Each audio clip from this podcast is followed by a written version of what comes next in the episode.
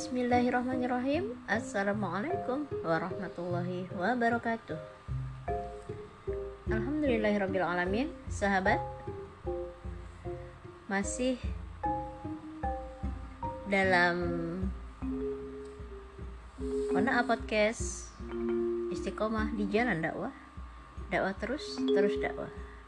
Bersama saya Dian Eliasari saya doakan semoga sahabat semua dalam keadaan sehat walafiat dan dimudahkan semua urusannya serta kita dijauhkan dari segala fitnah dan musibah. Amin ya rabbal alamin. Sahabat, jika kita ditanya siapa pencipta kita? Tentu saja kita semua sepakat bahwa pencipta kita adalah Allah Subhanahu wa taala. Namun jika kemudian kita ditanya lagi, siapa yang mengatur kehidupan kita? Atau apa aturan yang kita pakai dalam kehidupan? Nah, di sini mungkin jawabannya ada yang beragam ya. Ada yang make sesuai dengan pemikirannya masing-masing. Ada yang suka-suka dia, ada yang pakai hak asasi manusia, ada yang pakai aturan yang penting untung, maka dia pakai itu sebagai aturan. Jadi jika mendatangkan keuntungan, baru dia mau memakai aturan uh, tersebut. Nah, di sinilah ada ke keliruan. Ada miskomunikasi ya antara siapa sih yang seharusnya kita pakai aturannya untuk mengatur kehidupan kita? Nah sahabat Islam sebagai sebuah agama yang sempurna dan menyeluruh mampu memberi ketentraman, kesejahteraan, dan rasa aman bagi manusia. Mengapa? Nah, sebab Islam memuaskan akal manusia sesuai dengan fitrah manusia karena Islam berasal dari Allah Subhanahu wa taala, Sang Pencipta manusia. Allah Maha mengetahui apa yang tepat untuk manusia. Tidak ada kewenangan bagi manusia untuk menetapkan aturan bagi kehidupannya secara menyeluruh. Karena manusia itu bersifat lemah akal manusia terbatas. Ke kemudian oleh karena itu hak untuk menentukan membuat dan menetapkan hukum hanya ada pada Allah Subhanahu wa taala. Islam diturunkan oleh Allah Subhanahu wa taala memang sebagai rahmat bagi seluruh alam yang menjaga manusia dari kerusakan baik individu, masyarakat atau negara.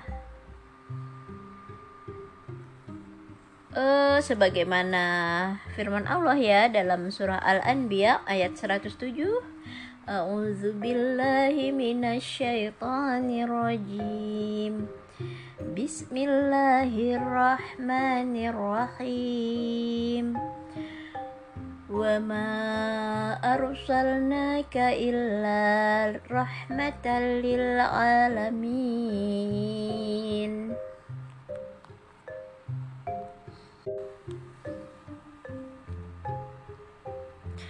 yang artinya dan tidaklah kami mengutus kamu melainkan untuk menjadi rahmat bagi semesta alam. Islam mengharuskan umatnya terikat dengan aturan dari Allah Subhanahu wa taala dan Rasul Shallallahu alaihi wasallam tanpa kecuali. Islam sebagai aturan hidup yang diturunkan Allah Subhanahu wa taala merupakan aturan yang paripurna menyelesaikan setiap persoalan manusia secara menyeluruh, tuntas dan sempurna. Dalam Islam yang halal dan haram sangat jelas seperti perbedaan yang sangat jelas antara hitam dan putih, siang dan malam. Tidak akan lekang oleh waktu serta tidak tergantung pada pendapat penduduk yang ada di bumi. Sahabat, Allah Subhanahu wa taala selain menciptakan manusia tapi juga lengkap dengan aturan hidup untuk mengatur kehidupan manusia ketika dia sudah berada di bumi. Supaya apa? Agar kehidupan kita itu jauh dari kerusakan dan selalu diliputi ketentraman.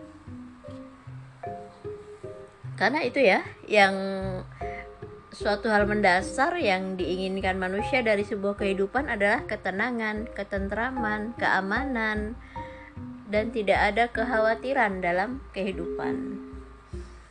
Sahabat, Syekh Taqiyuddin Anabani dalam kitab Asy-Syakhsiyah Al-Islamiyah menjelaskan Al-Hakim adalah man yamliku isdarul hukmi yaitu siapakah sumber yang berhak mengeluarkan hukum Al-Hakim dalam konteks ini bukanlah pemegang kekuasaan yang akan menerapkan segala hal dengan kekuasaan yang ada di tangannya. Tapi Al-Hakim adalah sumber yang berhak mengeluarkan hukum atas perbuatan dan benda. Karena yang ada di muka bumi ini tidak lain dua hal di atas yaitu benda dan perbuatan.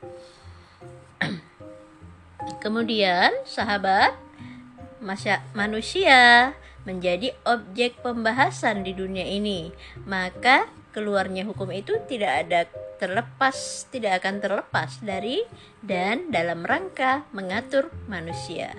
Dengan demikian, harus ada hukum yang mengatur perbuatan manusia dan benda yang mempunyai kaitan dengan perbuatannya. Lalu pertanyaannya, siapa dong yang berhak mengeluarkan hukum? syariat atau akal manusia ataukah Allah Subhanahu wa taala. Nah, menurut Syekh Taqiyuddin An-Nabani, keputusan terhadap perbuatan dan sesuatu dengan terpuji dan tercela yang ia menentukan sikap manusia terkait benda apakah boleh atau mubah diambil ataukah haram dan terkait dengan perbuatan apakah di dalamnya tergantung tuntutan untuk melaksanakan yaitu wajib dan sunnah atau tuntutan untuk meninggalkan yaitu haram dan makruh atau pilihan atau mubah? Maka tidak mungkin kecuali disandarkan kepada syariat. Karenanya wajib bagi umat Islam menjadikan syariat saja satu-satunya sebagai pemutus bagi perbuatan hamba dan segala sesuatu yang berkaitan dengan di sini bukan akal yang dijadikan sebagai pedoman.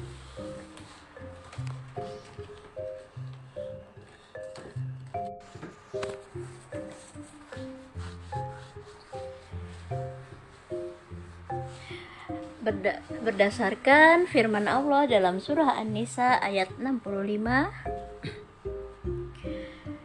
بسم الله الرحمن الرحيم فلا وربك لا يؤمنون حتى يحكموك فيما شجر بينهم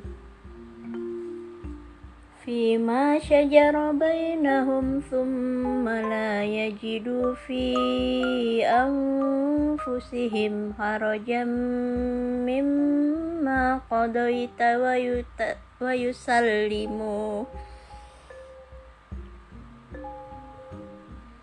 مما قضيت ويسلموا تسليما yang artinya maka demi Tuhanmu mereka pada hakikatnya tidak beriman hingga mereka menjadikan kamu hakim terhadap perkara yang mereka perselisihkan. Kemudian mereka tidak merasa dalam hati mereka suatu keberatan terhadap putusan yang kamu berikan dan mereka menerima dengan sepenuhnya. Kemudian dilengkapi juga dengan hadis riwayat Imam Al-Bukhari yang artinya demi jiwaku yang ada di dalam genggamannya tidak sempurna iman seorang dari kalian sampai aku atau Muhammad menjadikan orang yang lebih dia cintai dari dirinya, hartanya, anaknya, bahkan seluruh manusia.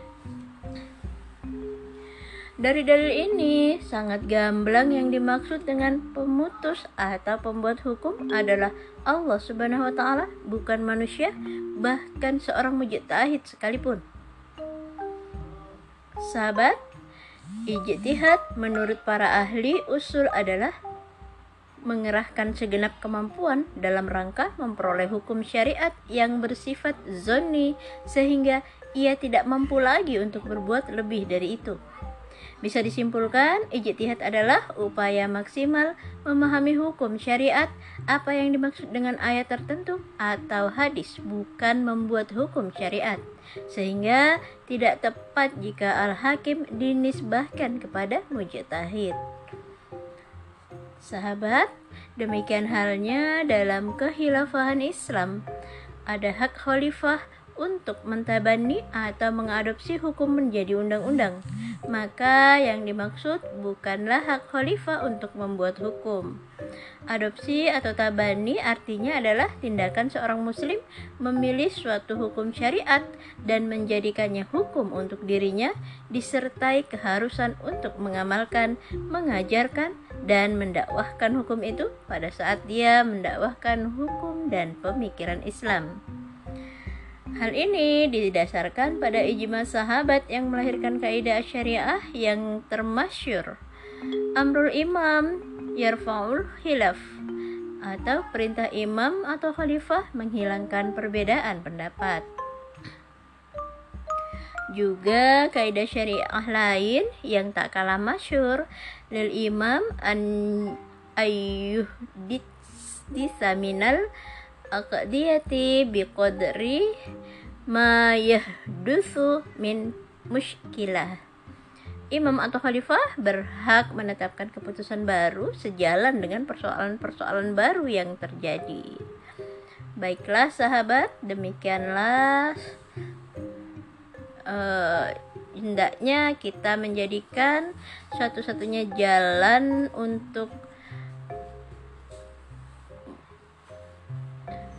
memilih aturan dalam hidup kita adalah menjadikan aturan Allah Subhanahu wa taala yang maha adil untuk mengatur kehidupan kita yang insya Allah akan membawa ketentraman dan keberkahan. Satu-satunya jalan adalah dengan berjuang menegakkan kembali khilafah di muka bumi ini yang akan menerapkan dan melaksanakan hukum Allah dan Rasulnya secara kafah. Wallahu a'lam bisawab. Demikian tadi sharing kita hari ini. Semoga bermanfaat. Insya Allah kita ketemu lagi di kesempatan yang lain. Mohon maaf atas segala kekhilafan. Wassalamualaikum warahmatullahi wabarakatuh.